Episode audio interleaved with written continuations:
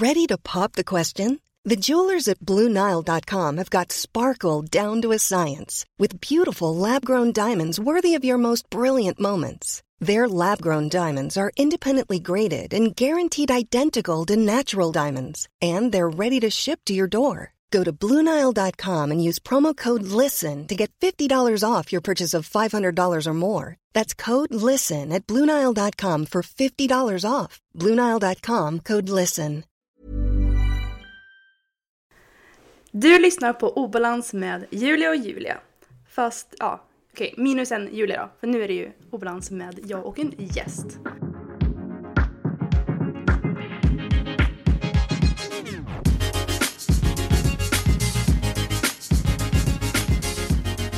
Och idag har vi fitnessatleten, vi har den svenska juniormästaren, lastbilschauffören, föreläsaren, fitnesscoachen, livsstilscoachen, modellen, fästmön och tjejen man nog egentligen inte behöver presentera. Ellen Det var Nilsson. många rubriker där. Ja!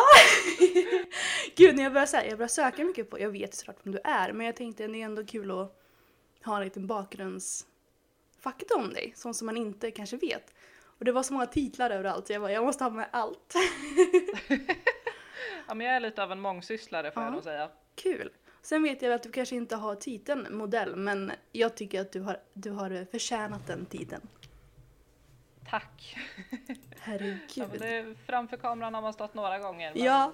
aldrig, aldrig på någon professionell nivå kanske. Men, Jo, eh, det tycker jag. Det kul. känns som det. Ja. Tog ju några bilder bara för... halvprofessionell. Ja, men de här bilderna du brukar ta... Ah, där dina magrutor poppar överallt. Ja, de, eh, de gör sig bra på bild. ja, herregud. Jag förstår inte hur man kan få såna tydliga magrutor. Nej, genetik Ja. får jag nog faktiskt säga där. Ja, herregud. Jag Men- tränar knappt mage tyvärr. Alltså vad sjukt att det är så himla fuskigt måste jag ändå säga. jag unnar Ja, dig det... det- det är kul men Jag, jag gillar den genetiska delen, den eh, tackar jag inte nej till. nej herregud. Och sen måste jag fråga, jag, jag sa ju att du var lastbilschaufför, är det, stämmer det?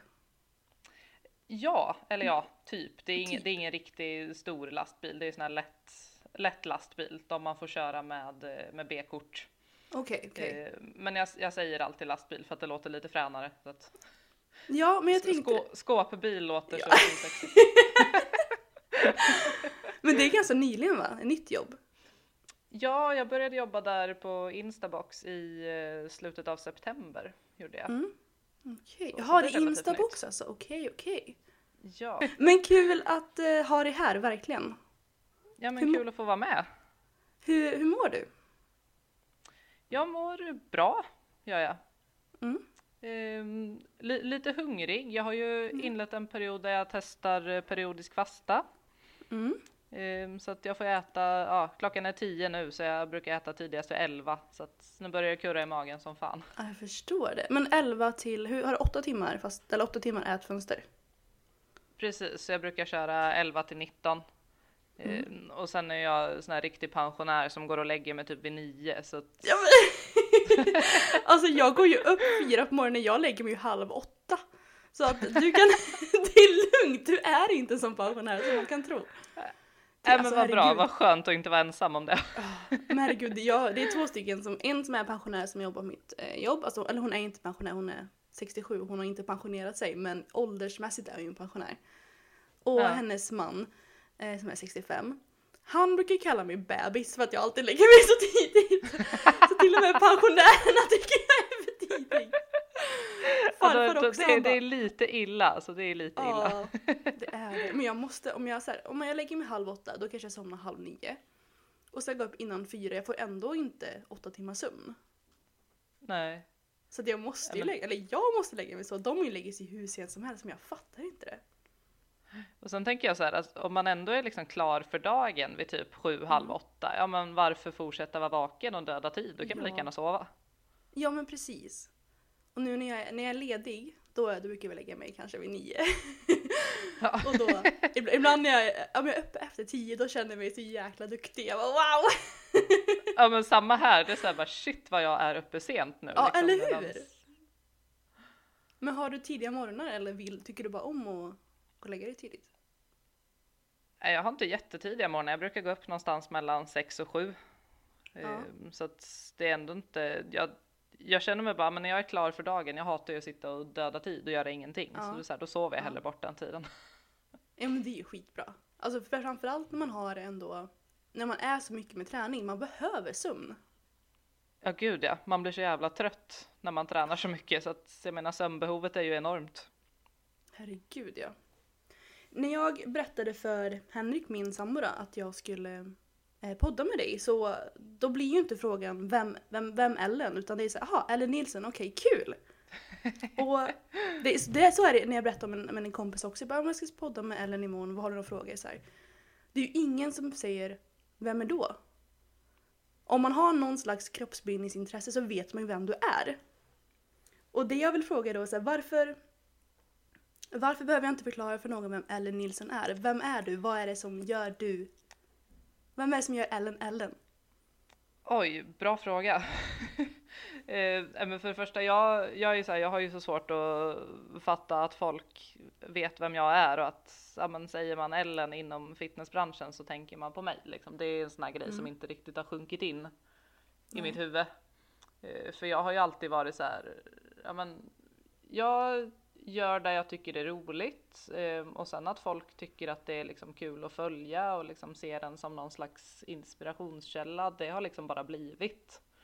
Eh, har aldrig riktigt, ja men det har aldrig varit min, min tanke att folk ska veta vem jag är och folk ska följa mig på Instagram och folk ska tycka att jag är en intressant person.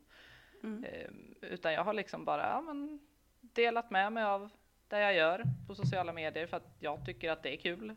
Och sen, ja, det har blivit lite som det har blivit helt Mm. enkelt. Men du har aldrig haft något mål att jag vill bli stor på Instagram eller jag vill bli känd utan det är mer såhär, du gör din grej, eller? Ja, alltså det var, jag började ju posta träningsbilder och så för, ja vad fan kan det vara nu? Det är säkert en sju, sex, sju år sedan. Mm. Eh, och det, jag hade aldrig en tanke på att det skulle bli liksom, ja men att det skulle bli en så stor grej av det hela. Mm. Så, så att nej, det har aldrig riktigt varit planen, men eh, så blev det. Ja, kul.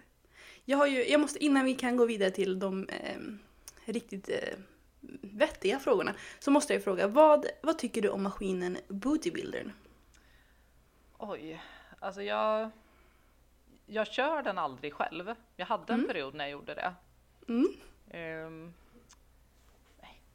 Alltså, jag har nog inte egentligen någon åsikt om den så. Alltså, jag tycker den isolerar bra. Man, den är lätt att hitta kontakt i och liksom bra att öva in rörelsebanan. Men sen är ju jag mer för liksom, ja, men, Mm. fria, fria vikter. Håll det, håll det enkelt. Och varför jag ställer den här frågan är ju för att jag hittade din blogg. Och 22 december 2015 skrev du Bootybuildern, världens bästa maskin! Tre utropstecken. Vad är det här? Så jag vill veta om, om du har ändrat dina tankar om det. Jag Då vet tror... vi. Men gud, finns den bloggen kvar? Ja, jag hittade bara typ så tre eller fyra inlägg dock. Det var lite snålt. Men den finns kvar. Nej men gud, den måste jag logga in och ta bort. Ja men alltså det var tre, det var tre inlägg. Ett inlägg om bodybuilder bästa. Jag tror du la upp din, din, din, din träning. Och du var redan stark då alltså. Du reppade ju på 100 kilo redan 2015. På knäböj, förlåt det kanske man borde säga. Och sen så eh, var det någon, någon eh, recept på någon mugcake typ. Eh, och sen ett inlägg om där du pratade om ja, din ätstörningsresa skulle jag vilja påstå. ja. Det var inte mycket mer, men det var kul att se den vloggen. Men gud, jag hade ingen aning om att den var kvar alltså. Hur kom du in i träningen och i kroppsbyggningen? Det började nog egentligen med, eh, för jag är före detta tävlingsdansare. Eh, Och det Jaha. började med att jag eh, ville, liksom, ja, men jag ville komplettera upp dansen lite grann. Jag ville bli lite starkare, mer explosiv, liksom mer spänst, bättre uthållighet, ja, men egentligen allt som dansen innebar. Jag tävlade i discodans, så det är ju väldigt mycket Mm. Explosivitet och tempo och styrka och så vidare. Mm. Eh, Men sen så, alltså det tog inte mer än några månader innan jag liksom, ja men kände att jag, jag gymmar hellre än att dansa liksom. Så att intresset för gymmet blev liksom större än vad det blev för dansen. Mm. Eh, Så att, ja, men det började egentligen som ett komplement, men sen så tog kärleken för gymmet över. Så Det känns som att det är ett väldigt typiskt sätt att komma in i det. Ja, men det känns som att många så här, eller att de typ börjar rehabträna för att de har skadat sig Ja. i någon sport och sen så helt plötsligt så har de snöat in totalt på styrkan istället. Ja. Men speciellt känns det som att det är killar som spelar fotboll gör alltid så. Ja, min Eller typ sambo. hockey. Att de, ja. ja, men precis, precis. Så det känns som att det är typiskt eh, inväg, eller vad säger man? Gateway, eller vad säger man om droger? Ja, ja men precis. Att man, ja, okej, kul. Hur, hur, eh, när började, du liksom, när började du träna och när började du träna hårt och när kom kroppsbyggningen in i allting? Just själva gymmandet började jag med i början av 2013 i januari så att det är ju, vad fan blir det? Det blir åtta år sedan, herregud. Ja, Alltså Eh, herregud. Ja. tiden går fort. Eh, nej men i början av 2013 så började jag gymma och då var det väl mest här, ja men jag körde cardio och mage. Punkt. Alltså liksom. så typiskt. Ja, ja. Riktigt så här, eh, eh, ja, om man, vill, om man vill kalla det tjejträning, men det, Mm. det var väl lite så det var då. ja men det, jag tror att alla tränar väl så. Det var väl ingen tjej, det var ju få tjejer i Sverige som visste att man kunde göra annat. Ja, ja men lite så. Det var liksom det som gällde och jag ville ju Mm. vara så här, ja men jag ville ha platt mage och mellanrum mellan låren. Det var ju liksom mitt syfte Ja. att jag tränade, typ så. Mm. Eh, träna hårt, ja definiera det. Eh, Ja. Men det var väl ja, men något år senare där jag liksom ja, men började förstå att aha, men vill du forma kroppen då ska du styrketräna. Alltså då är det vikter som gäller och då måste du liksom lära dig att ta i. Men hur fick du den? För det känns som att det är väldigt svårt om man går till gymmet och tror att man gör rätt. Det är svårt att ändra åsikter. Hur fick du... Hur, hur märkte du att det, var, att det var styrketräningen som gav resultat och inte det man trodde innan?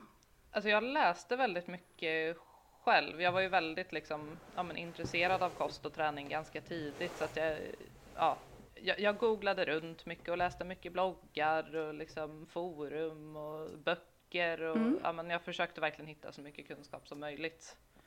Ehm, Så det Mm. var väl Ja, men till en början så fastnar man ju i det här att ja, men det är cardio träna mage som gäller. Men sen när man hade Mm. läst ja, men, olika personers erfarenheter, åsikter, kunskaper och liksom börjat summera det på något vis så förstod jag liksom att jaha, nej, det, det är vikterna som gäller. Liksom. Mm. Så det var väl lite den vägen att jag var väldigt ja, men, informationssökande hela tiden. Sen var jag väl inte så jävla källkritisk kanske, men Men det är fan svårt. Det är ju en djungel. ja gud ja, speciellt när man är så pass ny i det. Alltså, du, Ja. du litar ju på allt du läser liksom. Ja, men om man googlar liksom hur blir man smal eller hur blir man, går man ner i vikt liksom, då kommer de här detox. Det är det första som kommer upp. Ja. Det är svårt att förstå att det här är bullshit om man, om man inte kan. Ja gud ja. Och sån där, ja, ät inte kolhydrater efter klockan sex för då blir Ja, du fet. Ja, okej. herregud. Ja, man tänker ju ändå så här. Jag förstår för också i början när jag kom in i träningen, då söker man ju så här, ja men hur, hur får man en bra form? Eller hur kommer man ner i vikt? Eller hur bygger man muskler? Och då tänker man ju, ja det här är det som första som kommer upp. Det här måste ju vara det, det som är sant. För det här är det första som kommer upp. Ja gud ja, gud ja. Då tänk, man tänker att man är källkritisk där, man bara! Vad fan det var Men- inte svårare än så alltså. Ja, Nej. Jo, jo kanske. Och kroppsbyggningen då, när kom den in? Jag tror det kom någonstans där under 2014 också när jag hade gymmat. Nej, det var fan tidigare. Eh, Det var nog senare under 2013 redan. Och jag tror att alltså jag tror att jag upptäckte det typ via Instagram, för jag hängde mycket på Instagram redan då. Liksom. Eh, Jag vet att alltså den, den riktiga kärleken till liksom eller när jag verkligen upptäckte fitnessvärlden och kroppsbyggningen på riktigt, det var när jag var på fitnessfestivalen 2013, där i, eh, när det gick i Göteborg. Eh, Så åkte jag dit själv, gjorde jag. Och eh, var så här, ja, man var en sån här liten riktigt starstruck tjej som bara tyckte alla var ashäftiga och man såg tjejerna gå runt spraytannade i bikinis, liksom skitsnygga och alla gladiatorerna var på plats och folk var jättestora. Du vet, allt var liksom så här skithäftigt. Ehm, och det var väl där någonstans det tog fart, tror jag. Och sen eh, ett år senare, fitnessfestivalen Lucia-pokalen 2014, så eh, tävlade jag första gången. Hur gammal var du då när du tävlade första gången? Då var jag 18 var jag. Skulle Tycker du i efterhand att det var för tidigt? Alltså, både ja och nej. Ehm, Dels för att jag var väl kanske inte helt frisk från ätstörningarna då. Ehm, jag, jag mådde mycket bättre men det fanns ju fortfarande, det fanns tankar kvar, det gjorde det. Ehm, men så här, ja vad blir det, drygt sex år senare så ty, tycker jag ändå att det var bra att jag var igång så tidigt för att ja, men det, jag har ju redan samlat på mig ganska mycket erfarenhet trots att jag fortfarande är väldigt ung i sporten. Liksom. Så att för erfarenheter och lärdomarnas skull så tycker jag inte att det var för tidigt. Och sen vågar jag nog ändå påstå att det är tack vare sporten som jag faktiskt har kunnat ta de sista kliven bort från, eh, från ätstörningarna. Mm. Ja, du har ju du har gästat många podcast och jag har ju lyssnat på de flesta. Och du pratar ju mycket om din ätstörning så jag tänker att vi ska inte lägga för mycket tid på det. Men det är ändå intressant att höra hur... För jag vet att du pratade om det när du var med i Intensiv PT-podden. Eller Ja. om den heter exakt så, jag kommer inte ihåg. Ja, men precis. Då, ja, då pratade du om det att det var, ju, det var ju sporten som gjorde att du kände dig frisk. Att du blev, kunde bli frisk. Ja. Hur kom du in i ätstörningen och hur, hur blev det så att tävlingen och sporten fick dig att komma ur den? Uh, anledningen till att jag hamnade där tror jag var för att ja, men det, var, det var just det här fokuset på att ja, men, platt mage och mellanrum mellan låren. Och det, det var liksom allt. Det, det var liksom det, det viktigaste jag hade att fokusera på. Och då blev det att ja, men, sen har jag kast tålamod så att jag ville att det skulle gå fort. Så att då, vilket har jag- fortfarande. Men, Ah, ja, men det ri- riktigt dåligt tålamod så att jag ville att det skulle gå jättefort. Eh, Så att jag klippte ju all form av mat i princip. Jag levde väl på grönsaker och proteinshakes i princip. Eh, Mm. För att det var liksom det jag trodde var the shit. Alltså så, nu, nu kommer det gå fort. Ja. Så. Googlar man så, Ja, ja, men det det, var ju ändå källkritiskt. det är lite det man får upp liksom. Men, Ja. och sen så gjorde ju, jag gjorde ju tabben som alla gör att när man loggar sin kost i såna här appar så ska man ju egentligen inte lägga in träningen för att då blir det liksom fel med, med kalorierna. Ehm, men jag, jag vet att jag la in träningen och sen åt jag bara så mycket som jag såg att jag hade förbränt på träning. Eh, Jag fattade ju inte att ja, men, kroppen är liksom en förbränningsmaskin i sig, bara den behöver mat för att överhuvudtaget fungera. Eh, Precis. Så att det blev ju, ja men det blev ju en, mellan 500 och 800 kalorier per dag för jag tänkte att ja, men det är det jag har förbränt så att det är typ det jag kan äta. Ja, och det är ju ändå så. Det är ju kalorier in versus kalorier ut. Det är ju liksom the, the basic. Men för folk missar ju den delen att din kropp i sig, bara att du lever kommer du bränna kanske 1600 eller 2000 beroende på vem, vem du är. Att bara liksom ligga på soffan. Ja gud ja. Jag menar så fort du reser den- upp ur den där soffan så får du ett ökat energibehov. Ja, precis. Och det är den delen folk missförstår. Att om man säger kalorier in versus kalorier ut, det betyder ju inte som du säger träningen bara. Utan bara att du lever och att du andas kommer bränna kalorier. Ja, ja men precis. Och jag tror det är många som, ja, men det är många som inte tänker på det. De tänker bara, ja, men vad bränner jag på träning? Punkt. Liksom. Precis. Så, nej men det var där någonstans jag, jag, jag blev så, jag blev så manisk i de tankarna om hur jag ville se ut för att jag har alltid varit ganska, ja men jag var lite så här rund när jag växte upp liksom. Jag var inte jättesmal men jag var inte fet heller, men lite mullig. Så, och jag var ju liksom, ja men jag var livrädd att hamna där igen. Jag ville liksom inte, ja men jag ville inte ha fett på kroppen. Det var liksom där mentalt jag var. Eh, och det, alltså att hamna i en ätstörning, du, man märker det liksom inte riktigt själv på något vis. Så det är svårt att säga ja, men vad, när, hur. Eh, Men jag minns bara, ja, men jag minns när jag liksom, ja, men när jag förstod det på riktigt och det var väl när jag, det berättade jag om i PT-podden också, att eh, jag satt vid, eh, jag hade underskåp i skolan så att jag satt liksom på golvet nere vid mitt skåp. Eh, och helt plötsligt så kom jag i princip inte upp. Det fanns liksom ingen energi i min kropp som kunde lyfta mig från golvet. Och jag fick säga åt mina kompisar att gå långsammare i korridorerna för att jag inte hängde med och liksom där någonstans så fattade jag att okej, okay, jag, jag, jag, behöver hjälp. Det här är liksom, det här är inte bra och jag vet inte hur jag ska ta mig ur det här själv, utan jag kommer att behöva ta hjälp med det här. Hade din omgivning förstått detta då? Nej, jag, eller jag tror inte vad jag vet, för jag vet att vi var ja, några tjejer eh, som umgicks som började träna och äta liksom väldigt strikt samtidigt så att det blev lite som en tävling oss emellan liksom. Men vem äter minst och tränar mest? Vem blir smalast? Vem går ner mest i vikt? Så mm. inte riktigt någon uttalad tävling så egentligen. Men det, det var lite underliggande hela tiden så att jag, jag, tror, jag tror ingen av oss riktigt reflekterade över det. Mm. Ehm, och mina föräldrar märkte inte så mycket heller för att jag var ju antingen i skolan eller så var jag och tränade eller så hängde jag med kompisar. Liksom. Så att, jag, tror inte, jag tror inte att någon riktigt märkte av det förrän jag själv sa det att ja, men nu har jag, jag har pratat med skolsköterskan och jag kommer att få hjälp av ätstörningsenheten. Det var först då som folk visste om det. Gud vilken självinsikt att göra det. Ja, och det har jag också känns... förstått att ja, men det är få som faktiskt tar tag i det och söker hjälp själva.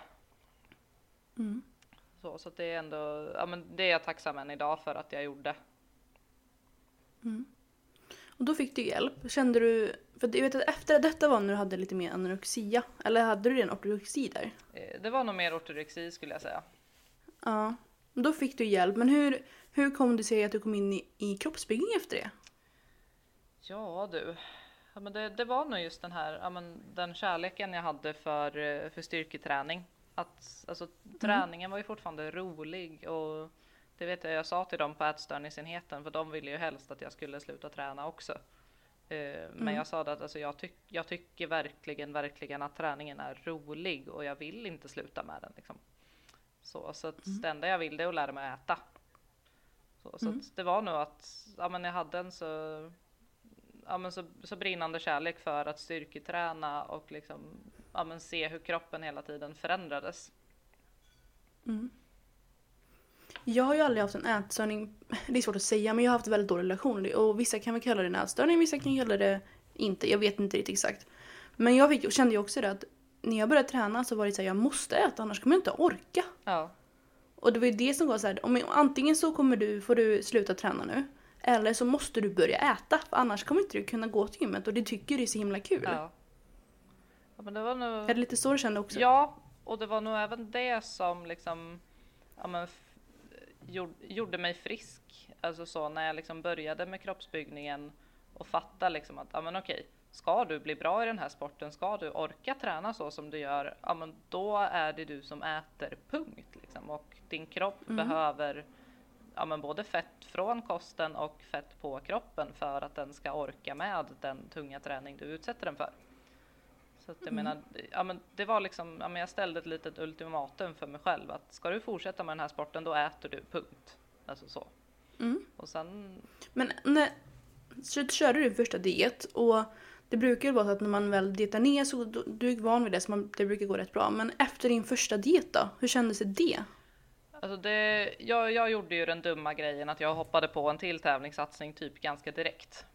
Eh, mm. Och så här i efterhand så förstår jag att det var för att jag var ja, men, rädd att tappa formen som man så fint säger. Eh, så att mm. jag... Då slipper man den här att gå upp i vikt och då har man då slipper man den jobbiga perioden. Ja men precis, för då hade jag liksom en anledning att, eh, ja, men att gå ner de få kilon jag hann gå upp på två månader. Eh, mm. Så, så att det, det, det, var, det, var, det var ett dumt beslut så här i efterhand. Eh, så att e-, efter mm. den tävlingssatsning nummer två där då, då var jag så jag var så bisarrt trött på att räkna kalorier, köra cardio, liksom, men, den kontrollen man har. Jag var så en, alltså, fruktansvärt trött på det. Um, så mm. att jag släppte allt. Alltså, jag räknade inte kalorier på typ ett och ett halvt år. Jag släppte cardion direkt. Tränade gjorde jag fortfarande för att jag fortfarande tyckte det var kul så det var inga konstigheter.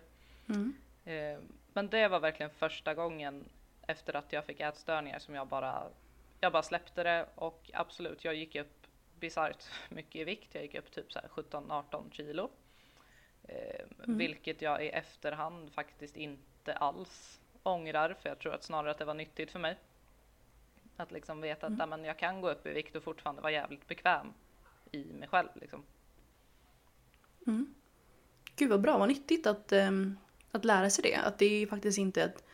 För, många, för det tror jag att många problem gör och framförallt äldre skulle jag säga. Det är att de har en synonym med smal och fin. Ja, definitivt. Jag, jag älskar min mamma, hon är helt underbar. Men det är någonting som hon brukar säga, så, ja, men, eller hon har sagt åh vad fin, vad smal och fin du är. Eller vad smal och fin hon. Eller jag vill bli smal och fin. Eller så här, Att det alltid kommer som ett paket. Alltså, det är inte så ja. att jag kan vara fin eller smal utan det är alltid smal och fin. Förekommer alltid samma mening. Liksom. Precis, precis. Och vad skönt att förstå det att smal och fin är inte synonymer utan man kan vara smal och man kan vara fin och det är inte samma sak. Nej, gud nej. Jag tror det är jätteviktigt att lära sig det. Verkligen, verkligen. Och att liksom, ja men, att, ja men hur, hur man ser ut liksom kroppsmässigt, det har liksom ingenting med att göra med andras uppfattning om dig, alltså vad andra tycker om dig. Alltså, man behöver inte vara smal för att liksom bli accepterad av andra. Jag tror mycket är liksom att man vill ha yttre bekräftelse också. Men gud vad smal du är eller ja, smal och fin. Precis, precis. Hur, hur äter du nu under off-season? Ehm, just nu så, jag har ju fortfarande ganska bra koll på vad jag stoppar i mig. Jag räknar på det jag käkar, men jag, jag är så här, ja, råkar jag väga upp 65 gram havregryn istället för 60. Ja, det är inte så att jag står och plockar bort några små korn för att det ska bli exakt, utan det är så här, ja, ja, 65, same shit mm. liksom.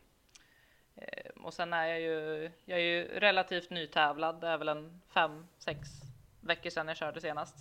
Mm. Eh, så att jag är i en fas där jag håller på att stegrar upp kalorierna. Så just nu så ligger jag väl ungefär ja, runt 900 kalorier över där jag dietade på. Mm. Och tanken är väl att fortsätta stegra några hundra till. Så i takt med att ja, men kroppen börjar vänja sig vid mer mat. Du tror, vet att det finns olika, vissa tycker ju att efter en tävling ska man bara äta igen för kroppen behöver all mat som, som går. Man ska ja. liksom inte stegra och vissa, vissa är som, de flesta inom kroppsbyggning tycker ändå att man ska stegra upp igen.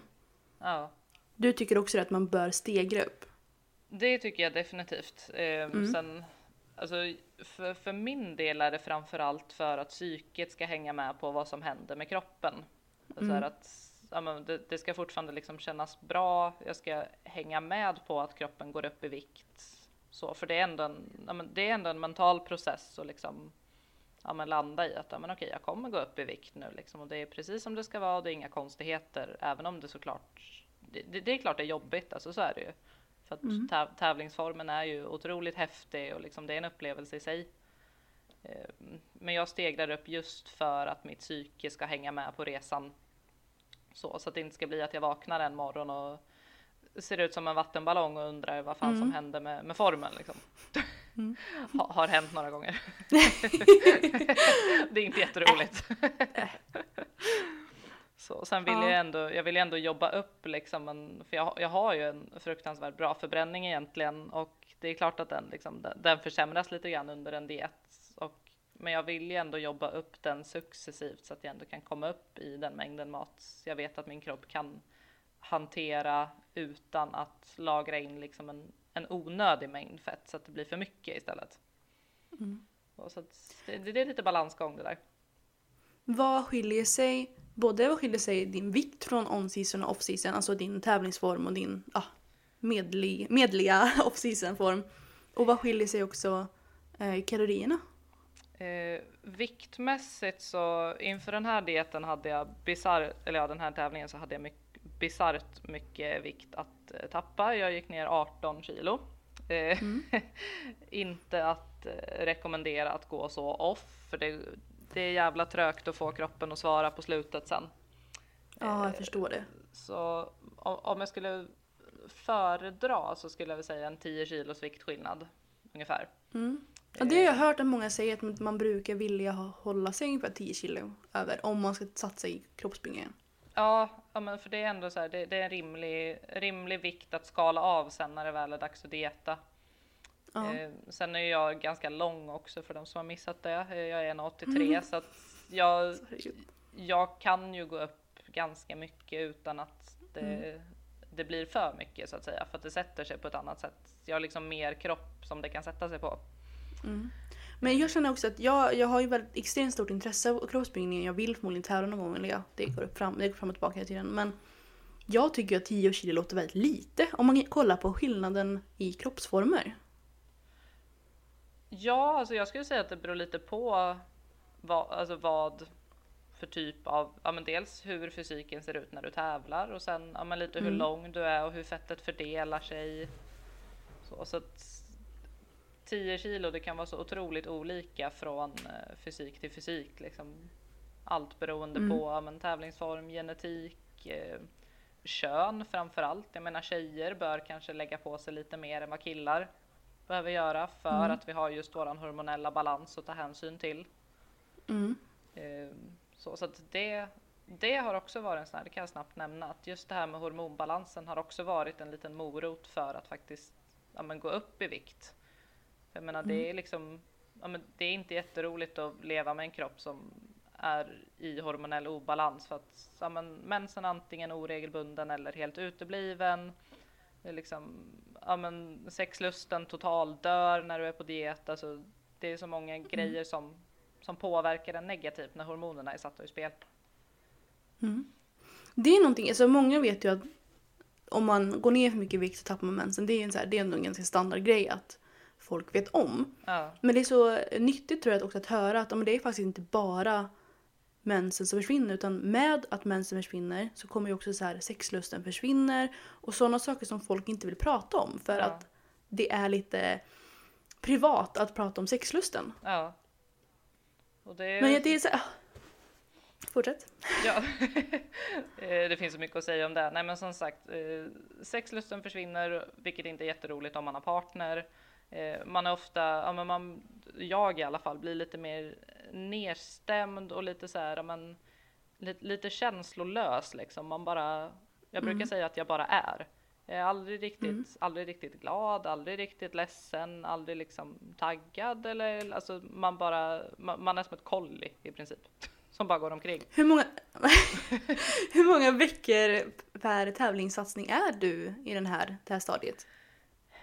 Det brukar vara någonstans från de sista sex veckorna och framåt. Där någonstans. Det är, ändå, alltså det är ändå en och en halv månad. Det är ändå en så pass lång tid egentligen. Det är en kort tid på ett, på ett liv men en, det är ändå en lång tid om man tävlar mycket. Ja gud ja, det, det, det känns ju som en evighet när man väl är liksom uppe i det. Så. Ehm, och sen inte att glömma att det tar ett tag innan det är återställt efter också. Ehm, Tills man faktiskt har liksom, ja, men, börjar käka på ordentligt och börjar lägga på sig fett på kroppen igen. Som det börjar liksom att återställa sig. Så att det är ytterligare några veckor som man är lite instabil på de planen. Jag vet att du, jag, har- jag har ju nämnt dig för några poddavsnitt sen när vi pratade om mens eh, och HA och hur man, om man, hur man gör för att få tillbaka sin mens. Så hade jag ett avsnitt för några veckor sedan. Ja. Ehm, för du tappade din mens och jag vet att jag har pratat med dig förut om hur du tycker man ska få tillbaka den eller hur du gjorde för att få tillbaka din mens. Ja. När var det du tappade din mens? Var det av, i första när du hade ätstörningen eller har du tappat mensen, tappar du mensen varje tävlingssäsong? Eh, första gången var i samband med att jag fick ätstörningarna. Eh, och sen den var nog borta i, ja det kan ha varit en två, lite drygt två år tror jag. Fram tills det att jag släppte kontrollen på eh, kaloriräknandet och allt vad det innebär. Eh, Då kom den tillbaka eh, och var ganska regelbunden ett tag. Men sen ja, försvann den igen när jag påbörjade nästa tävlingssatsning. Eh, Och var borta, ja, sen gjorde jag en sån här dubbelsäsong igen så att jag satsade ytterligare en gång efter den säsongen. Så att där kom den ju aldrig tillbaka. Ehm, och sen mellan nästkommande satsningar så kom den tillbaka igen men var oregelbunden så den kunde komma ja, men, två gånger på samma månad och sen dröjde det ett halvår innan den kom igen. Liksom, så, så det var väldigt, eh, väldigt oregelbundet. Ehm, Så att det är liksom en återkommande, ett återkommande mönster att ja, men när jag, när jag är uppe i en tävlingssatsning, ja men då försvinner den. Så. Hur länge brukar den försvinna under en tävlingssatsning då? Den brukar kunna försvinna ganska tidigt. Den här gången försvann den nog en, vad kan det ha varit? Tre månader ut. Någonting sånt. Ehm, och har ännu inte kommit tillbaka. Men eh, jag har börjat känna lite så här, ja, men såna typiska PMS-symptom. Så att jag hoppas att det är någonting på gång, men fast man vet aldrig. Så nu är det fyra, fem månader sedan ungefär. Ja, precis. Men är det... För du går väl inte på några preventivmedel då antar jag? Nej, ingenting. Nej. Känner du att... Ja, men vi kan ta det snabbt så här. Vad, jag, jag, pratade, jag, sa, jag sa vad du skrev till mig för några avsnitt sedan. Men vad tycker du är det viktigaste för att få tillbaka sin mens? Om du bara säger snabbt. Snabbt rabbla upp för att eh, sagt vi har ett helt avsnitt om det där. Eh, fettintaget. Definitivt A och O. Alltså, just nu så ligger jag på ungefär 1,5 gram fett per eh, kilo kroppsvikt. Så att jag menar det är strax över 100 gram fett om dagen. Ehm, och det kommer jag fortsätta hålla fram tills jag märker att ja, men nu är hormonerna i balans igen. Ehm, sen kan det vara bra att dra ner lite grann på träningen. eh, bara för att minska stressen på kroppen. Eh, behövs inte i, ja, det behövs inte alltid, men märker man att ja, men okej, det hjälper inte med, med bara kosten, det hjälper inte att äta mer fett eller lägga på sig mer fett på kroppen för den delen. Eh, då kan det vara så att man behöver skruva ner, skruva ner tempot på träningen en del. Så, men jag skulle säga börja alltid med att liksom, ja, men, är det så att man har en väldigt låg fettprocent, ja, men, upp i vikt, alltså på en normal fettprocent, ja, men runt 20-25 procent för kvinnor är absolut inga konstigheter. Ehm, och sen se till att äta mycket liksom, ja, men bra, bra fetter eh, från kosten och våga ligga strax över ett gram per kilo kroppsvikt. Vad, om du, när det är som sista veckorna i, i dieten, hur långt vågar du dra ner din, eh, din fett då? Jag brukar försöka att aldrig, aldrig gå under 0,8 gram per kilo. Ehm, Det är ändå mycket fett för, för tävling alltså. Det är det. Så att ehm, på så vis så hoppas jag att jag kommer kunna återhämta mig ganska lätt nu i och med att jag inte gick alldeles för lågt i fett förra satsningen. Eh, men sen har det ju varit satsningar där jag har varit nere på kanske 0,3-0,4 per gram per kilo kroppsvikt. Eh, men då har det ändå varit svårare att återhämta sig efter, eller det har tagit längre tid ska jag säga. Man får ju ändå komma ihåg att det här, alltså fitness handlar inte om hälsa. Så är det ju.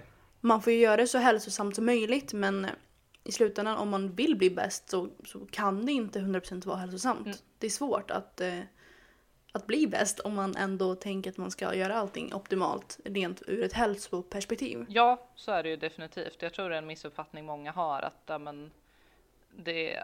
eh, Jag tror, jag tror inte riktigt man är medveten om hur hur ohälsosam den här sporten är när man kommer liksom. Ja, men om man satsar på att bli riktigt bra eller till och med bäst. Så jag menar, det, det går det går att ha hälsoaspekter liksom. Det går att ta hänsyn till hälsoaspekter. Det gör det absolut, men någonstans så så kommer man behöva utsätta kroppen för sådant som inte är hälsosamt. Och som kille kommer du undan med det mesta. Ja, lite så. Ah, så herregud. Men som tjej så behöver man ju faktiskt lägga lite mer tankekraft i det. Ja, Och inte bara googla nej, vad ska jag äta utan han, anlita en, en riktig coach som hjälper dig. Eh, och helst, jag skulle säga helst en kvinnlig coach om du är en tjej för jag tror många killar missar delen att det inte riktigt är samma sak mellan en tjej och en kille. definitivt. Alltså, som tjej skulle jag ja, men rekommendera att anlita en kvinna alternativt en manlig coach som du är helt säker på har koll på kvinnokroppen. Ehm, Jag har ju haft eh, Kalle Lundqvist som coach under många år. Ehm, och han har, han har stenkoll på, på kvinnokroppen också. Så att ehm, det, det kan jag så här slänga ut en lite snabb rekommendation att skulle man vilja anlita en manlig coach av någon anledning som fortfarande kan kvinnokroppen så absolut Kalle. Ja men det han verkar ändå kunna sin... Eh, ja men han, det verkar, han verkar kunna kvinnokroppen lika mycket som en, kill, en manlig kropp. Definitivt, definitivt. För killar kan ju ändå nolla sin... Alltså killar kan i princip nolla sin fett. Och de Ja. lever life. Ja, det är så här, ja, men då de får lite hormonella rubbningar säkert också, men det, det Ja. påverkar ju inte dem på samma sätt som det påverkar oss kvinnor. Precis, och framförallt som återigen som vi pratade om det i andra avsnittet att vi vet mycket mindre om kvinnokroppar. För alla studier är gjorda på män. För det är billigare, det är enklare och män har alltid varit de man gör studier på. Ja, Ska man göra kvinnliga studier då måste man ju jämföra varje del av en menscykel. Och det tar så mycket energi och det tar så mycket tid så folk lägger ju, lägger ju inte pengarna där. Och det är ju Nej. ändå förståeligt men det är ju tråkigt. ja, ja, kvinnokroppen är komplex minst sagt. Ja, verkligen. Ja, vi, vi går vidare för alltså, jag- jag älskar att ha folk som har man har så mycket att prata med men det, så, det blir så jobbigt för att jag vill ha med allt. Så jag försöker... Check nästa! För sitter vi här tre timmar senare och bara ja, nu så. Herregud. Ja, nu så. Oj, tryckte, glömde trycka på play. Fan också. Fan. Ja, jag frågade din sambo och jag vill säga, alltså vad är manliga versioner av fästmö? Fästmö är väl kvinna? Fäst- Ja, fästman heter det väl? Fästman? Heter det heter på det? riktigt fästman? Jag tror det. Ja, sambo säger man nu här egentligen. helt enkelt. Jag frågade din sambo Viktor och eh, din kompis och klient Ellen. Ehm, eller Ellen, Alva, förlåt. Ja, jag bara, vem fan har jag som... Vem fan har Alva? Eh, och om jag skulle eh, prata med dig om. Och båda de sa ditt mindset. Och framförallt ditt mindset det senaste året eller åren. Ja, där har det hänt en del kan man säga. Ja, jag har förstått det. Berätta, Eh. vad, vad, hur, hur tänkte du innan och hur, vad var det som hände att du ändrade och hur tänker du nu? Jo men det, alltså det är väl, ja men för drygt ett år sedan då var jag så här, ja men då var jag den här som skulle bli, jag skulle bli bäst, whatever it takes, jag gör vad som helst, alltså jag ska ha proffskort, jag ska liksom, jag är hardcore, bla bla bla, ja men jag, jag var liksom, jag, jag levde i min fitnessbubbla och det som var utanför det var ointressant, det fanns liksom ingenting annat. Men sen för, no, för, alltså för något år sedan så började det så här spontant liksom känna att nej men vad, vad, vad skulle jag få ut av att bli bäst i den här sporten? Hur skulle mitt liv se ut? Vad skulle det innebära? Och liksom, ja men sen är jag liksom i den åldern där man börjar fundera på liksom, ja men skaffa barn, vi håller på och letar hus och det är så här. Ja, Åh, men, kul! ja så det är my, mycket vuxengrejer på gång här. Ja. Nej men man, man börjar liksom, ja men jag börjar sätta värde i annat än bara liksom tävling, fitness, eh, eventuella proffskort, eh, allt sånt som man har tänkt på tidigare.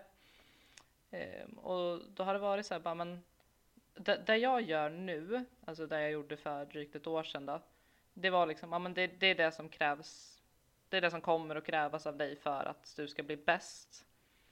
Och är det liksom, ja men är det ett liv jag vill leva, alltså så åtstramat, så strikt, så planerat hela tiden, kommer det att funka livet ut? Kommer det att funka ihop med en familj? Kommer det att funka ihop med de jobb jag kanske kommer ha i framtiden? Och det är så här, Nej, men jag, jag kom fram till där någonstans att fasen det finns så mycket mer i livet jag värderar som jag bara känner att jag missar nu.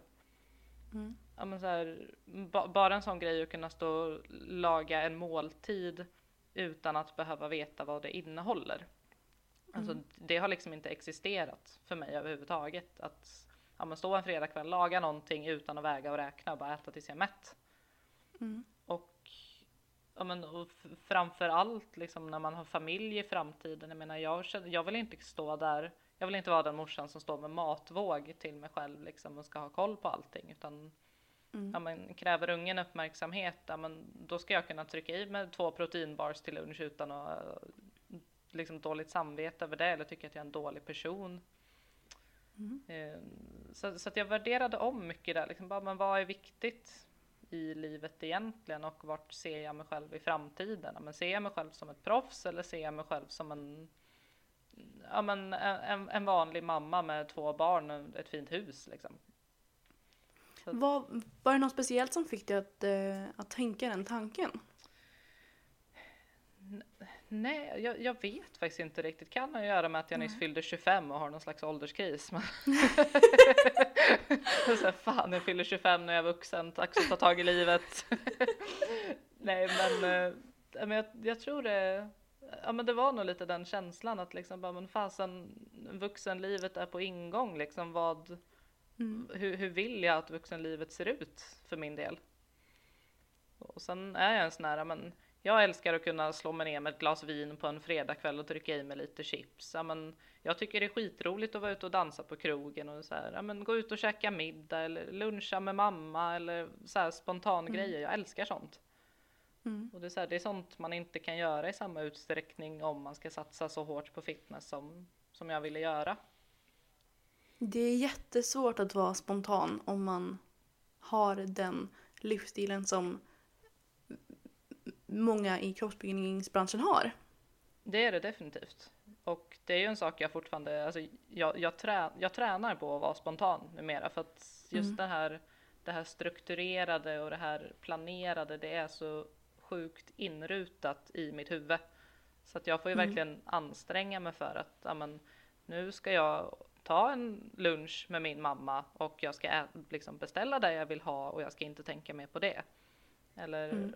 oj nu, eh, nu kommer inte jag hinna hem tills, eh, tills det är dags att äta eller oj nu måste jag göra det här innan jag ska hem. Ja, men, Åh Mm. nej, då, då missar jag en måltid liksom. Eller åh nej, då kommer jag behöva äta ikapp. Vad gör jag då? Alltså, det, Mm. det är fortfarande saker jag övar på att liksom hantera. Eh, vilket Mm. säkert låter helt sjukt för en vanlig människa. Men eh, ja, Jag tror att det låter väldigt sjukt för en vanlig människa men det låter nog väldigt, väldigt bekant för många eh, som har vår livsstil. det tror jag definitivt. Det, oj, det känner jag ju definitivt Det känner jag definitivt igen mig om. Jag pratade med dig om med eh, Göran Nyqvist, andra, andra rösten i den här podden, förra avsnittet vi hade. Och då och pratade med min sambo också om det. Att jag, jag vet liksom inte om... För det är ju jäkligt fascinerande. Det är väldigt kul att kunna ha ett starkt mål och sträva sig mot den och vara den som bara hon, gjorde, hon gjorde allt som krävdes för att komma dit. Men samtidigt som du säger så här, var, varför har jag det målet? Vad är mitt mål? Ska jag, vill jag ha det livet? Det är väldigt svårt för att det, om man vill bli bäst eller om man vill bli så bra som man kan inom en viss grej så måste man vara ganska manisk och vilja göra allt som krävs. Men samtidigt så måste man ju också ta ett steg tillbaka och se, men vill du verkligen det så himla himla mycket? Ja. Och just den liksom, ja men den hälsorisken det faktiskt innebär att liksom, ja men satsa hårt och tävla ofta och liksom så. Och då var jag så här, bara, men om jag nu vill kunna skaffa barn i framtiden, alltså kommer min kropp att klara av det? Liksom, kommer den att kunna återhämta sig ordentligt för att göra det? Jag har ingen Mm. aning, men jag är inte villig att ta den risken. Med detta sagt, kommer du vilja tävla igen? Definitivt. Eh, Mm. tävla kommer jag fortsätta göra, eh, förmodligen fram tills jag går med rullator i princip. Men Wow, jag eh, vill se dig med rullator på scen! får bli ru- rullstolsbyggning framöver. Gud, tänk om det i framtiden blir eh, det finns ju, finns ju partävlingar. Tänk Ja. om man har mamma-dotter-tävlingar i framtiden. Och rullatorbyggning. Ja! Herregud, jag är all for this. Ja, vi får kontakta. Tyngre så får vi de fixa detta. Fan vad respekten då att se någon med rullator på scenen. Jävlar vad det hade varit min idol. Ja, jag, alltså jag hade ju röstat, eller jag, nu kan man ju inte rösta men jag hade ju blivit en domare för att kunna få dig att vinna bara för att du kommer med det här med rullatorn. Ah, Ja gud, alltså jag hade varit den personens största fan, helt klart. Ja, gud ja. ja, men hur, för du känner ju ändå, vad, vad, du vill ju inte vara mamma som har med, med mat, med matlådan som som du sa. Mm. Hur tror du att om du skulle tävla när du, om du får barn, hur tror du att din tävlingssatsning hade påverkat dem? Alltså jag tror att när, när jag väl har fått barn sen så kommer det nog vara x antal år där jag liksom är inaktiv med tävlandet och liksom fullt fokus på familjelivet.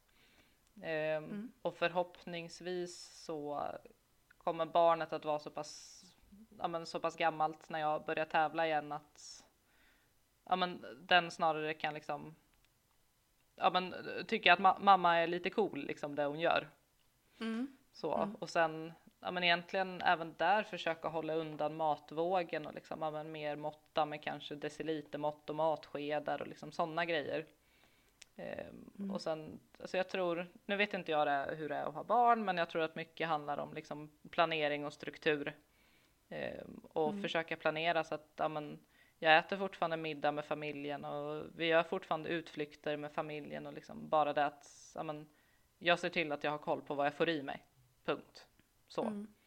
Och kanske inte säga, ah, idag har jag en cheat day och utan att man kanske mer gömmer det att när de är i skolan då passar man på att göra alla de här ohälsosamma delarna att man, ja, man väger väldigt mycket, man gör man mäter, man väger, man kollar, man kikar, du vet allt detta. Ja, och när de kommer hem då är det så här, ja, man liksom får det lite mer smooth. Ja, ja men jag fattar vad du menar. Ja, men så här, håll, håller liksom ja. det här, den lite maniska delen, försöka hålla det undan från barnen. Och sen jag menar, har jag mm. liksom en, en cheat day eller en fri måltid eller något så, så säger jag inte liksom att ja, men, nu ska jag äta min fria måltid utan då är det mer så här, ja men vi ska laga det här ikväll eller ja men vi ska åka mm. till McDonalds och hämta mat eller liksom så här, som världens mest mm. naturliga grej. Att man inte riktigt sätter, mm. att man försöker inte sätta etiketter på mat på det sättet. Precis. Det är en fråga jag tänkte ställa för ungefär 50 minuter sedan, men vi, det, vi tar det nu, det är lugnt. eh, hur har din, din omgivning, din familj reagerat när du fick det här ett intresset för träningen och för kroppsbyggningen? Eh, till en början så, jag har ju närmast kontakt med min mamma så att det är hon som är mest liksom insatt. Eh, och till en början så var hon så här, mm. när jag mm. berättade om liksom bikini fitness att jag skulle tävla och så där så var hon lite så här, jaha, ska du stå liksom på en scen i bikini så här, ja, ja, typ gör vad du vill så länge du tycker att det är kul, liksom så. Mm. Eh, men sen var hon och tittade på, på min första tävling och hon såg, mm. hon såg på mig hur roligt jag tyckte att det var. Eh, mm. Och redan där hade jag hennes acceptans. Efter det var det liksom inga konstigheter alls. Eh, och hon är liksom. Vad fint. Ja, det är jättefint och nu är hon jätte, alltså hon är bisarrt insatt i alla mina satsningar och liksom, ja, men nu när jag var i Spanien och tävla, hon satt ju med, med livestreamen och sen, alltså jag vet, efter, efteråt så var det så bara, men fan du, du skulle ha slått den där tjejen och ja men fan du, du var ju mycket bättre än hon och, och, och du, du såg så du såg så kvinnlig och liksom muskulös ut och fan de andra såg ut som män och alltså och så här, fruktansvärt engagerad. Mamma Nielsen. Ja, ja men det, hon är fin så att hennes, jag har ju hennes fulla stöd verkligen. Eh, det är jätteskönt. Eh, och jag har liksom, ja men typ har vi haft släktmiddagar eller släktträffar och jag har kommit med matlåda så har det varit så här ja, men inga konstigheter egentligen, utan de var mer så här, ja, men ta lite kaffe eller lite Pepsi Max om du vill, liksom så inget. Men... Alltså gud vad fint, vad skönt. Det är jätteskönt. Sen. Eh... Det är ju inte alls en, eh, en självklarhet. Nej, gud nej. Jag tror att det är många som ja, men, kämpar med att få acceptans från släkt och vänner. Mm. Så, så att mm. jag är extremt tacksam att jag har det stödet jag har. Mm. Eh, och sen har det ju, ja men absolut, på kompissidan så har det absolut trillat av några på vägen som kanske inte riktigt har ja men, accepterat att jag har förändrats på det viset. Sen tycker väl inte jag att jag har förändrats så mycket som person kanske, men, ja, men mm. jag tror att eh, Svårt att säga, men de har nog inte riktigt kunnat köpa att jag har gjort framsteg på det sättet jag har, tror jag inte. Att det, det, kan, det kan sticka lite i ögonen på folk ibland tror jag. Så, mm. så det har blivit att ja, man har tappat kontakten med lite vänner och sådär. Men då brukar jag bara tänka att ja, man, om de inte vill liksom ha kvar kontakten med mig för att jag har ett brinnande intresse för någonting som de inte förstår mm. sig på. Ja, men vad är det för vänner att ha kvar i längden i sådana fall? Så. Mm, verkligen. Och det är ju ändå så att visst, det, alltså man kommer aldrig komma undan med att mat är socialt. Nej, gud nej. Men man har ju ändå inte vänner för att äta med dem. Nej, gud nej, så är det ju. Och det är samma sak, många Ja, men jag har tidigare umgåtts liksom med folk som, ja, men deras helger det går ut på att supa sig redlösa och komma hem klockan fyra på morgonen från mm. krogen. Och det är så här, absolut, mm. jag kan tycka det är skitroligt att göra ibland när det är liksom ett rimligt tillfälle. Men med vissa vänner, eller ja, före detta vänner, så har det varit typ det enda man kan göra. Mm. Alltså supa. Så, mm. Och gör man inte det så mm. har man ingenting att göra. Och det är så här, ja fast då kommer inte det riktigt heller att funka om allt du vill göra när du ses Nej. är att dricka alkohol. Så.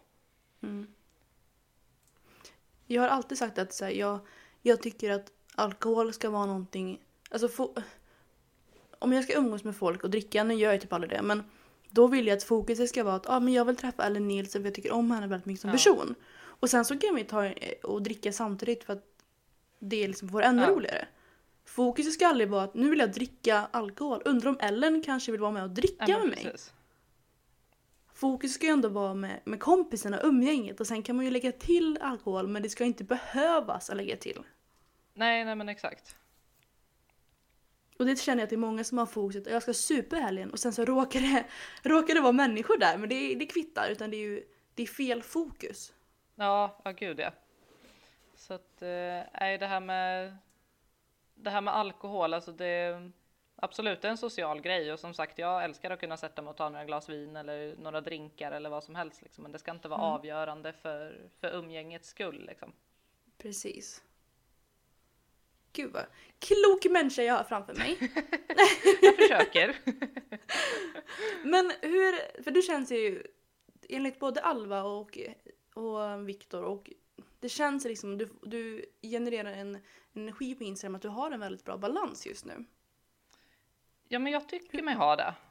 Mm. Eh, eh, sen är det klart att jag har mina dagar där jag liksom, ja men som här i, nu ska vi se, när var där i fredags så hade vi ett par över på lite middag och drack lite vin och sådär och det är klart när man sitter där proppmätt och har liksom svept fyra glas vin och magen sticker rätt ut. Alltså det är klart att det, det börjar dyka upp lite skumma tankar och det, det är lite, alltså det är fortfarande lite jobbigt så att, att släppa kontrollen på det viset. Men som sagt, det är ändå någonting jag, jag fortfarande övar på och liksom för att kunna njuta av och ha den här balansen istället för att tycka att jag gör fel som avviker från någon slags kostschema.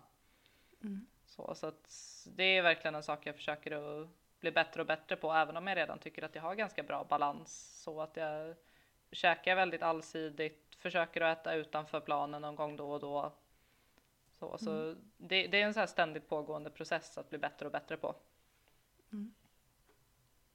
Men vad, vad tror du, hur tror du man kan balansera en livsstil som vi har, eller du har, samtidigt som man genuint bryr sig om sin hälsa? För det är ju som vi pratade om förut, det är ju inte samma sak. Det är ju väldigt två olika världar att, att tävla i fitness och att, ha en, att vara genuint hälsosam. Hur, hur kan man balansera den? Alltså, dels så tror jag att man eh, behöver ställa sig in på att liksom, ja, men okej, om jag fortfarande vill vara balanserad och hälsosam så kommer jag bara komma till en viss nivå i den här sporten och liksom vara inställd på att ja, men jag kanske inte blir bäst i världen eller vad man nu vill bli. Liksom. Och sen också att man är noga med att liksom, ja, men noga med att lyssna på kroppen, noga med liksom, återhämtning efter en satsning. Eh, att inte köra för många satsningar på raken, att man liksom verkligen tar de här pauserna, dels för kroppens skull, för att den ska kunna återhämta sig. Eh, för även om det är en ohälsosam sport så det är sällan man får men för livet så, utan det mesta går ju att återställa som hor- hormonbalansen till exempel. Eh, Så att man liksom, ja men att man är noga med att verkligen få kroppen i balans igen. Man är noga med en, liksom, ja men en, en allsidig, varierad, hälsosam kost med inslag av ja, godis om man nu är sugen på det eller donken om man nu är sugen på det. Alltså, Så att man är noga med alla de aspekterna. Och någonting som jag, jag har ju några klienter och det är ju många som är online-coacher, coacher, gud hur får man det svenska, online-coacher. Eh, det är många som är det nu och jag kan tycka att en, en svårighet med det är att få fram den här balansen till klienter. För det är ju inte så att jag vill ju vill ju ge dem eh, redskap och verktyg att kunna nå sina mål. Men samtidigt så vill jag ju också kunna förmedla en balans och jag tycker att det, väl, det kan vara ibland svårt att göra det. Hur, hur, hur, medför, eller hur, hur ger man den här balansen som du har till sina klienter? Alltså det, är, det är som du säger, det är skitsvårt är det ju. Och eh, framför allt om det gäller antingen personer som ska gå ner i vikt eller om det är någon som ska tävlingssatsa, så vad det nu kan vara. För jag menar, har du ett mål att nå en viss form eller gå ner ett visst antal kilon i vikt, ja men så här, du kommer att behöva vara lite restriktiv. Alltså det är liksom, mm. man har inte riktigt något val där. Eh, men där brukar jag försöka fånga upp dem efter, ja, om det nu är en tävlingssatsning eller om det är en vanlig viktnedgång. Att jag liksom försöker hålla kvar dem efter och på något sätt försöka guida dem in i det här att men, nej, det gör ingenting att du eh, tog några glas vin en fredagkväll och nej, det är helt lugnt att du lunchade ute eller åt en frukostbuffé eller vad du nu gjorde. Och liksom egentligen mm. bara finnas där och liksom säga att det är helt normalt. Det är okej. Okay, titta på vågen. Du har inte gått upp någonting. Det är lugnt. Alltså så. Mm.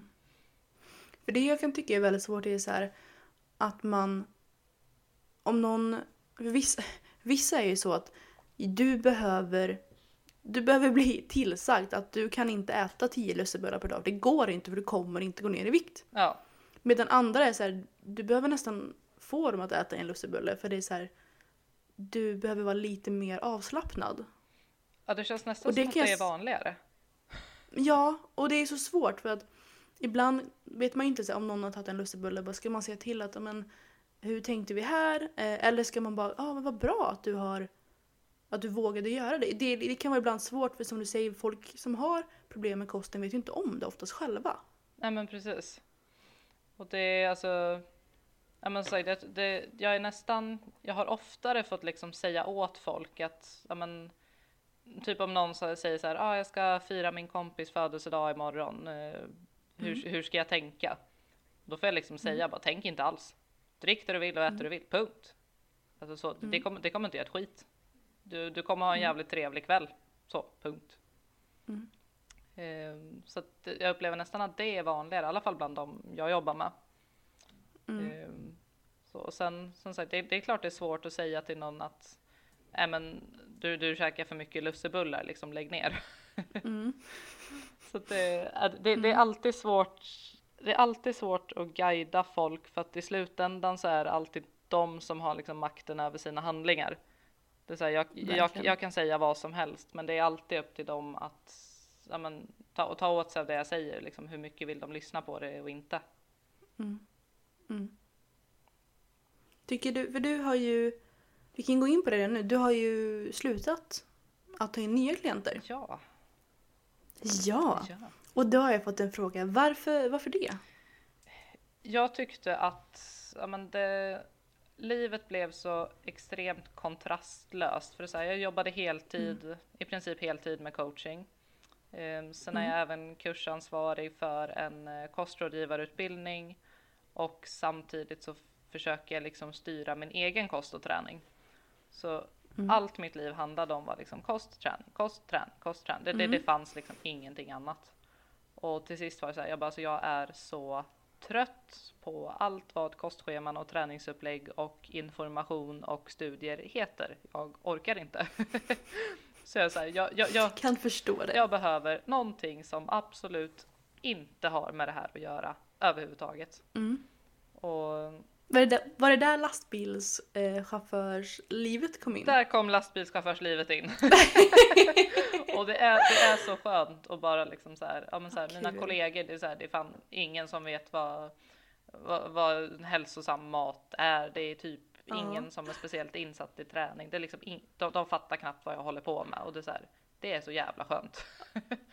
Alltså jag kan ibland tycka att det, det, det roligaste fin som finns, alltså det som är mest humoristiskt i livet, det är ju ändå att höra folk som är väldigt på papper ohälsosamma försöka förklara hur de gör hälsosamma val. Ja det, det är jätteintressant. Alltså det är så, det, det, är ju så roligt. Alltså det, man för, ah.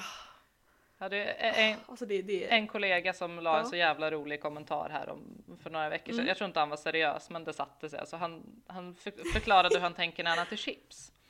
Och då tänkte, sa, sa, han det att ja, men den, den här chipspåsen den väger ju bara 300 gram så att jag kan ju inte gå upp mer ja. än 300 gram av den. Och jag bara åh. Det funkar inte så men det är jättegulligt. Vilken underbar! Oh.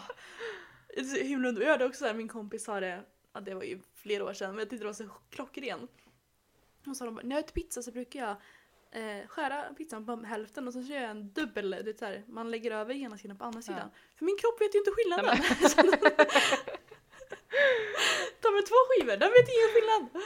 Ja, men jag, säger, jag, jag älskar Underbart. sådana resonemang för det är så här, ma- man får en så nykter syn på livet. Alltså är så här, Ja. De här människorna har ingen aning och det är så jävla skönt att höra. Och de försöker verkligen, det är så underbart. Ja, ja, det är helt fantastiskt. Vad... Vi börjar med... Hur ser dina benpass ut? Ja du, ehm, just nu så följer jag faktiskt ett upplägg jag har köpt online av eh, en kille som heter John Meadows. Eh, Han är även Oh. känd som Mountain Dog, det är väl säkert Mhm. bekant för flera. Ehm, och då är det ofta, men det är ofta någon hamstringövning till en början, ofta sittande eller liggande lår curl. Bara för att liksom, Mm. ja, men aktivera baksidorna ordentligt, eh, vilket för mig är Mm. ganska fördelaktigt för jag har väldigt svårt att hitta kontakt i mina hamstrings i övriga övningar. Ehm, och då körs, den övningen körs aldrig till fail utan jag stannar alltid en eller två reps ifrån fail. Ehm, efter det så kör jag alltid någon lite tyngre övning. Oftast blir det hack squat eller V-squat eller vad det nu finns för olika knäböjsmaskiner. Eh, Jag böjer inte för att jag har problem med både ett knä och ena sidan av ländryggen så att det funkar inte riktigt att böja. Eh, Ja, var det, är det, var det diskbråck eller vad var det som hände med ryggen? Jag har faktiskt ingen aning. Jag satt i benpressen på gymmet någon dag och så kände jag att det liksom så här, det, det strålade till lite grann, men det gjorde liksom inte ont. Så det var så här, oj, jag snedbelastade väl lite grann, hoppsan, liksom tänkte inte mer på det. Mm. Eh, och sen dess har jag haft liksom, ja, men det är nu, det är snart två år sedan och sen dess har jag haft mer eller mindre ont i ländryggen. Men fy! Jag vet inte, jag vet faktiskt inte vad det kan vara. Det utlåtandet jag har fått är väl att ja, men, du är stram i glutsen så att du har snedbelastat under väldigt lång tid och nu är dina muskler typ konstant spända eller något sånt. De är trött på din skit. Ja men lite så, det är så här, Så nu de- räcker det för fan. Nu räcker det för i helvete. Lär dig att Ja. träna ordentligt. Men så det, nå, bö- nå böj blir det tyvärr inte. Jag älskar böj, men eh, kroppen pallar inte riktigt så att det blir alltid någon form av Mm. maskin för det. Eh, och då brukar jag gå på lite tyngre och köra någonstans mellan 6 och 10 reps. Eh, 3-4 set. Eh, inga, liksom, inga, inga konstigheter, bara vanliga set rakt upp och ner. Eh, Sen beroende på om jag fokuserar på framsida eller baksida, det blir oftast baksidefokus i och med att ja, det är min sämre del av benen så att säga. Eh, men då går jag ofta vidare till eh, någon form av eh, benpress eller Bulgarian split squats är en favorit också. Och där slänger jag alltid in någon form av intensitetshöjande, typ dropset, superset, FST7, rest pass, alltså no någonting som liksom höjer intensiteten. Jag kan bara förstå folk som inte ly- alltså så här, folk som inte är inne i, i träningen nu, de bara vad fan sa hon nu? vad slänger du ut random Det, bokstäver? det där får ni googla för att det orkar inte jag sitta och förklara. Nej jag, tror, nej, jag tror att många, många som lyssnar har ju ändå intresse här så att jag tror att de flesta förstår. Ja, jag hoppas det. annars får ni, ni kan eh, slide in my DM och jag kan förklara. Ja, ni, ni, ni kan skriva till mig också, det är lugnt. Ja. Ehm, och sen brukar jag alltid avsluta med eh, nå- någon form av övning som ger lite mer stretch i muskeln, alltså typ en eh, raka mark eller eh, benspark med ordentlig stretch i bottenläget. Så bara för att liksom låta så mycket blod som möjligt strömma in i muskeln. Så, och det blir sällan mer än fyra, max fem övningar per benpass och sen totalt mellan 16 och 20 set fördelat på både framsida och baksida.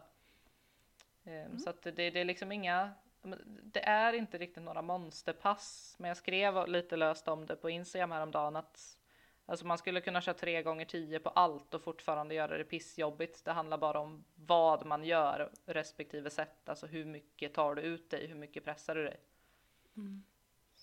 ja, det handlar ju framförallt också inte bara om att du gör set utan hur du gör seten. Exakt.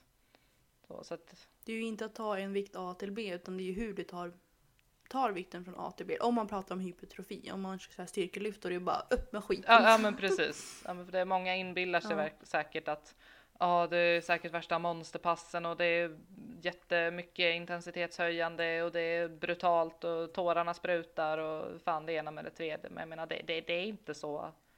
Det, det, det är ingen raketforskning liksom. Alltså ta i, punkt. Gör övningar du får bra kontakt i och så tar du i utav bara fan, punkt.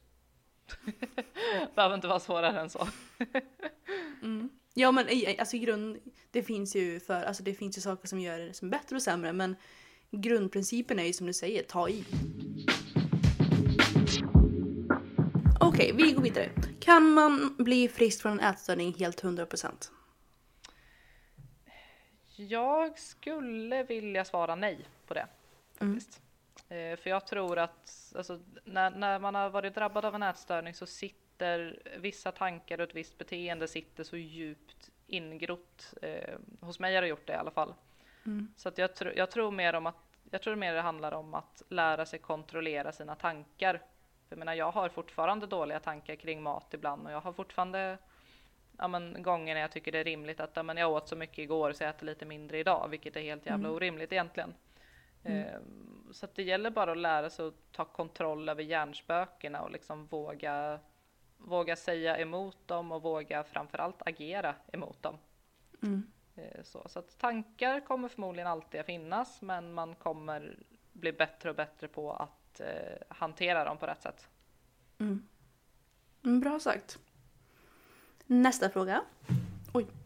Har killar, framförallt i kärleksrelationer, um, känt sig hotade av din muskelmassa?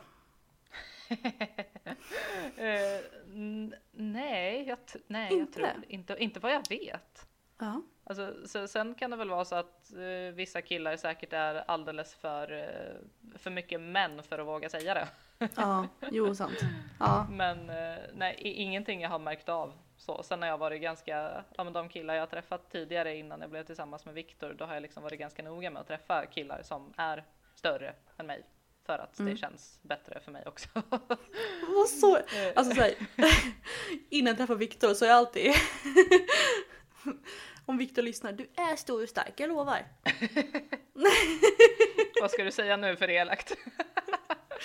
Nej men det lät som när du sa det, innan jag träffar Viktor så vill jag alltid ha någon som är större än mig. Och sen Viktor lyssnar på detta och han bara, ja. nej, nej jag, jag valde Viktor av den anledningen också så han kan vara lugn. Ja, ja vad bra. Så jag, jag, tyck, jag tycker inte att han är liten. Nej, han är, alltså han är, han är så jävla trevlig. Det måste jag säga. Ja, han är fruktansvärt eh, trevlig människa. Verkligen. Jag var, jag vet inte vilken tävling det var, men jag och Alva, Alva kollade på någon tävling. Kan det vara Alingsås? Då var Viktor där för du var, hade någon, eh, någon klient som tävlade. Ja. Och oj, alltså han var så trevlig. Ja, men han är så här, han gör inte en fluga för när. Alltså gud, verkligen inte världens trevligaste människa. Verkligen.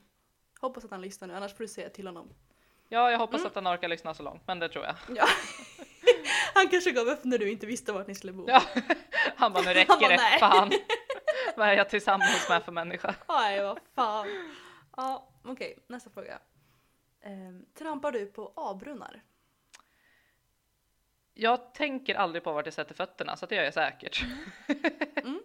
Inte ens när du är, för ibland kan jag känna att om det är, eh, man går någonstans och det är typ fyrkantiga, ja men. eh, Ja, så här en plattor. sen, ja men precis!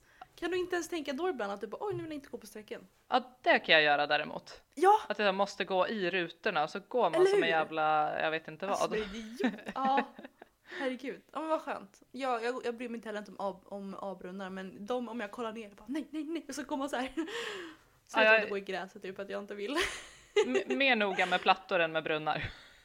Ja. Okej. Favoritfrukosten? Eh, det- får nog bli gröten alltså. Jag får vara tråkig och svara det. Ja, men jag, tycker, jag tycker inte du är tråkig, jag tycker du är helt rationell. Det är svårslaget morgongröt. Ja. Men det är så här, allmänheten har ju inte fattat det här med gröten. Nej men alltså det är fan Guds gåva till livet. Alltså det är det bästa som finns. Ja men alltså man ser ju fortfarande, ja, folk, allmänheten äter ju havregrynsgröt med mjölk. Alltså det är allt de äter. Då, de har missat allt med gröten. Ja men det är så här topping. Hallå liksom förstår du Ja. hur mycket du kan göra med gröt med topping? Herregud.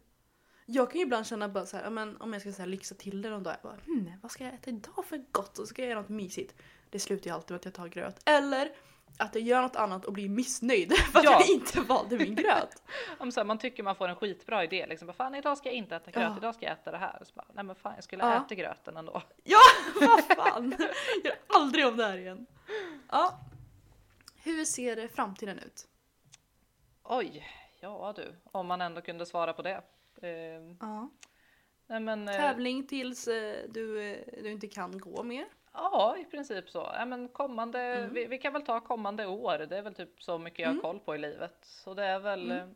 ja, dels kommer jag ju försöka mig på en satsning till hösten och tävla på Mm. SM och sen eventuellt någon, eh, någon tävling utomlands lite beroende på hur, hur nära SM de ligger.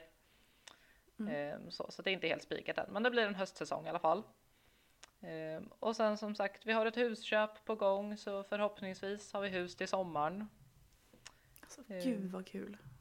Så att, och annars, ja, men, fortsätta jobba som jag gör. Alltså jag trivs ju väldigt bra med och dels, ja, jag jobbar ju dels hemifrån med eh, intensiv kost, eh, kostrådgivarutbildningen. Och sen så är jag ju på Instabox och kör, eh, ja, jag ska väl, ska väl vara korrekt att säga skåpbil, för det är egentligen ingen lastbil, men en skåpbil. Mm. Så, så att jag trivs extremt bra med arbetssituationen så att den kommer nog vara oförändrad eh, Mm. så länge jag tycker att det känns bra. Vad kul. Så. Vad skönt att känna att din framtid är det du har nu.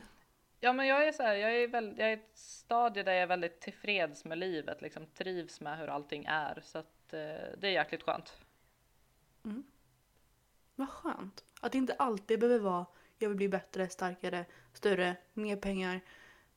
Allt att, att det kan vara så här. Jag vill, jag vill göra det jag gör nu fast ja, men kanske med tävlingen så vill man ju alltid finslippa lite så men i princip så vill jag leva det livet jag lever nu i framtiden. Ja, ja men det, det, det är en väldigt trygghet att känna så, liksom, att man inte, ja, men inte oroar sig för framtiden eller inte funderar på vad man vill göra med framtiden, utan ja, men, så som det är nu, det känns bra. Och då, då får det vara så så länge det känns bra.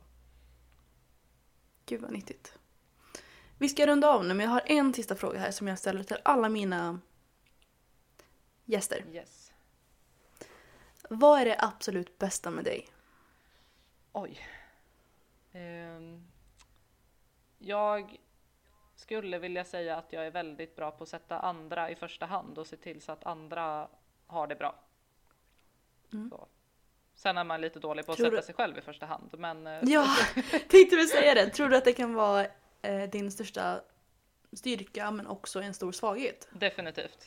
Ehm, Ja. så så att för, för min egen del så bör jag väl kanske prioritera mig själv lite oftare. Men för andras del så är jag väldigt bra på att bry mig om dem. Men jag tror att den största styrkan nästan alla har kommer på något sätt vara en stor svaghet också. Definitivt. Vad den är. Om det är så här, ja men jag är så envis, ja men det kan ju också vara en svaghet. Eller jag är så positiv, ja men det är också en svaghet ibland. Ja, ja men det är så här, ja, men är du alltid positiv? Ja, men du måste kunna tillåta dig själv att vara lite negativ ibland. Liksom. Precis. Men du, tack så hemskt mycket för att du ville vara med i, vårat, i våran podd. Ja, men tusen tack för att ni bjöd in mig. Det var jätteroligt. Det, det var oerhört trevligt måste jag säga. Verkligen. Angenämt som man säger nu till de här vuxna 25-åringarna som ska köpa hus. Ja, herregud, nu är det vuxenspråk som gäller. Ah, det var mycket angenämt. Det var det. Du var det jätte, jättebra Ellen. Ja, men detsamma. Tusen tack för idag. Ta hand om dig. Ha det gött. Ha det bra. Puss hej! Puss hej.